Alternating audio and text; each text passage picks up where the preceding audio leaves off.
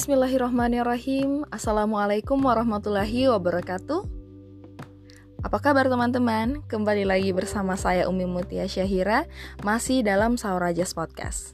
Hari ini saya sangat bersemangat untuk berbagi bersama teman-teman Mengenai reading section dalam tes IELTS. Teman-teman, tes IELTS memiliki tujuan yang berbeda-beda. Apakah itu academic purpose atau general training purpose Perbedaan tersebut salah satunya terlihat dari jenis pertanyaan dalam reading section juga terbagi menjadi dua, yaitu academic reading dan general training reading. Perbedaan keduanya berasal dari topik serta sumber dari bahan bacaan yang akan ditampilkan. Misalnya, academic reading biasanya memiliki jumlah bacaan yang bersumber dari jurnal, majalah, buku, serta koran dengan mengangkat topik-topik umum. Sedangkan untuk general training, sumber dari wacana yang dicantumkan biasanya berasal dari pengumuman, pamflet, daftar perjalanan atau timetables, dokumen, artikel di koran, instruksi, serta cara kerja suatu alat. Baik, reading section memiliki waktu pengerjaan soal yang lebih panjang teman-teman daripada listening section pada sesi pertama. Untuk reading, reading section sendiri, kita akan diberikan waktu sekitar 60 menit. Dalam durasi waktu tersebut, peserta tes akan diminta untuk mengerjakan 40 pertanyaan yang diambil dari tiga jenis bacaan atau passage untuk bacaan ini sendiri, perlu teman-teman ketahui bahwa jumlah katanya adalah sekitar 2000 hingga 2750 kata. Dan ingat, di dalam proses pengerjaan reading section, kita tidak akan memiliki tambahan waktu untuk menyalin jawaban. Waktu kita adalah 60 menit. Itu sudah termasuk membaca teks, menjawab soal sekaligus menyalin jawaban kita ke lembar jawaban jika sebelumnya kita membuat catatan di buklet pertanyaan. Untuk membuat catatan di buklet pertanyaan tidak tidak dilarang ya teman-teman, tetapi bukan berarti bahwa kita harus bersantai-santai karena mengira bahwa kita masih memiliki spare time khusus untuk memindahkan jawaban. Oleh karena itu kita harus langsung memindahkan jawaban pada lembar jawaban yang tersedia. Berikutnya, hal yang um, saya rasa penting untuk saya share bersama teman-teman adalah bagaimana cara meningkatkan kemampuan reading. Ya, mari kita akui bahwa masih begitu besar persentase orang-orang yang kurang menyukai reading tidak terbiasa atau memang tidak hobi untuk membaca. Namun, untuk keperluan ini kita harus mencari bagaimana kira-kira cara meningkatkan kemampuan untuk reading. Oke, ada beberapa cara yang bisa dilakukan sebenarnya. Dan teman-teman bisa mencoba beberapa atau mungkin apabila cocok bisa mencoba seluruh dari tips ini. Yang pertama, perbanyak membaca. Ya, suka atau tidak suka tetap harus memperbanyak membaca teman-teman. Teman-teman dapat membaca berbagai macam bacaan berbahasa Inggris, seperti majalah, koran, laporan ilmiah, jurnal, brosur, dan lain sebagainya. Yang kedua, jika teman-teman menemukan kosakata baru atau vocabulary yang baru menurut teman-teman, jangan segan untuk mencatatnya. Ya, catat saja ya teman-teman. Sebab seperti teman-teman ketahui, mencatat itu adalah cara untuk mengikat ilmu. Oke, langsung saja. Untuk tips yang ketiga, cobalah untuk membuat kalimat atau paragraf dengan menggunakan daftar kosakata baru yang teman-teman temukan. Hal ini akan mempermudah teman-teman untuk mengingat kosakata baru tersebut.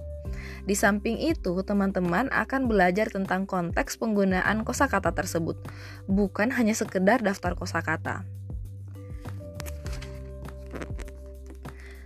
Tips yang selanjutnya adalah teman-teman dapat membeli buku-buku latihan IELTS untuk mengetahui jenis-jenis soal yang ditampilkan. Di samping itu, buku tersebut juga dapat membantu teman-teman berlatih mengerjakan soal IELTS. Yang kelima, sekarang ini banyak sekali bahan tes IELTS yang dapat teman-teman unduh di internet. Ada pula simulasi latihan online yang dapat teman-teman coba lakukan. Ingat teman-teman, semakin Anda banyak berlatih, maka Anda akan semakin meningkatkan kemampuan membaca Anda. Kemudian yang keenam, teks yang ditampilkan dalam IELTS tidak jarang memuat kosakata baru yang mungkin teman-teman tidak ketahui. Berlatihlah untuk membuat prediksi atau menebak maknanya dengan melihat konteks bacaan tersebut. Adapun yang ketujuh, Tipsnya adalah berlatihlah untuk membaca dengan cara skimming dan scanning. Cara ini akan sangat berguna karena Anda tidak memiliki waktu banyak ketika membaca teks dalam IELTS. Coba teman-teman bayangkan, jumlah soal adalah 40 soal. Sedangkan waktu yang tersedia adalah 60 menit. Dan teman-teman harus menyediakan waktu untuk membaca bacaan tersebut. Bila tanpa teknik dan strategi khusus, tentu akan sangat sulit menyelesaikannya, teman-teman. Oleh karena itu, saya akan memberikan tips tambahan mengenai hal-hal yang perlu untuk teman-teman perhatikan pada saat menyelesaikan tes IELTS ini. Ready? Oke, okay. ini dia. Ketika menghadapi reading section, hal yang pertama harus kita baca adalah judul ataupun heading bacaan. Ya, heading bacaan. Kemudian, cobalah untuk membuat prediksi tentang apa topik tersebut akan dibahas atau seperti apa kira-kira isi dari uh, judul tersebut. Yang berikutnya, teman-teman perlu melihat sekilas pertanyaan-pertanyaan yang ditampilkan. Jadi, jangan langsung membaca satu persatu kata yang ada di dalam teks tersebut. Begitu selesai membaca judul, teman-teman langsung melirik ke soal. Apa saja pertanyaan yang ada di sana. Ingat, jangan menghabiskan waktu terlalu lama ketika Anda membaca bacaan terutama jika Anda menemukan kata atau kalimat yang tidak teman-teman mengerti. Tebak makna dari kata tersebut dan teruslah membaca bagian selanjutnya. Teman-teman akan memiliki waktu 60 menit untuk tiga bacaan. Oleh karena itu, jangan menghabiskan lebih dari 20 menit untuk membaca dan menjawab pertanyaan-pertanyaan dari suatu bacaan. Jika teman-teman tidak merasa yakin dengan jawaban yang teman-teman miliki, jangan habiskan waktu teman-teman untuk memikirkan satu pertanyaan tersebut. Move on. Kemudian, jika teman-teman telah selesai menjawab semua pertanyaan dan masih ada waktu luang, cobalah melihat-lihat kembali jawaban-jawaban teman-teman, atau mungkin jawaban yang sebelumnya teman-teman merasa tidak yakin teman-teman perlu mengingat, jenis bacaan akan semakin sulit dari bacaan pertama. Maka jangan terpaku pada satu bacaan saja. Tulislah jawaban teman-teman dengan baik sehingga dapat terbaca. Karena ejaan yang salah akan disalahkan.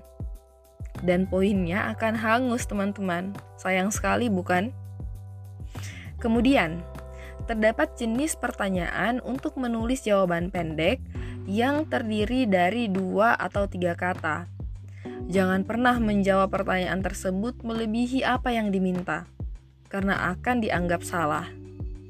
Sebab perlu teman-teman ketahui, kemampuan berbahasa tidak hanya tentang kemampuan mengartikan, tetapi kemampuan melakukan instruksi dengan benar dan sesuai.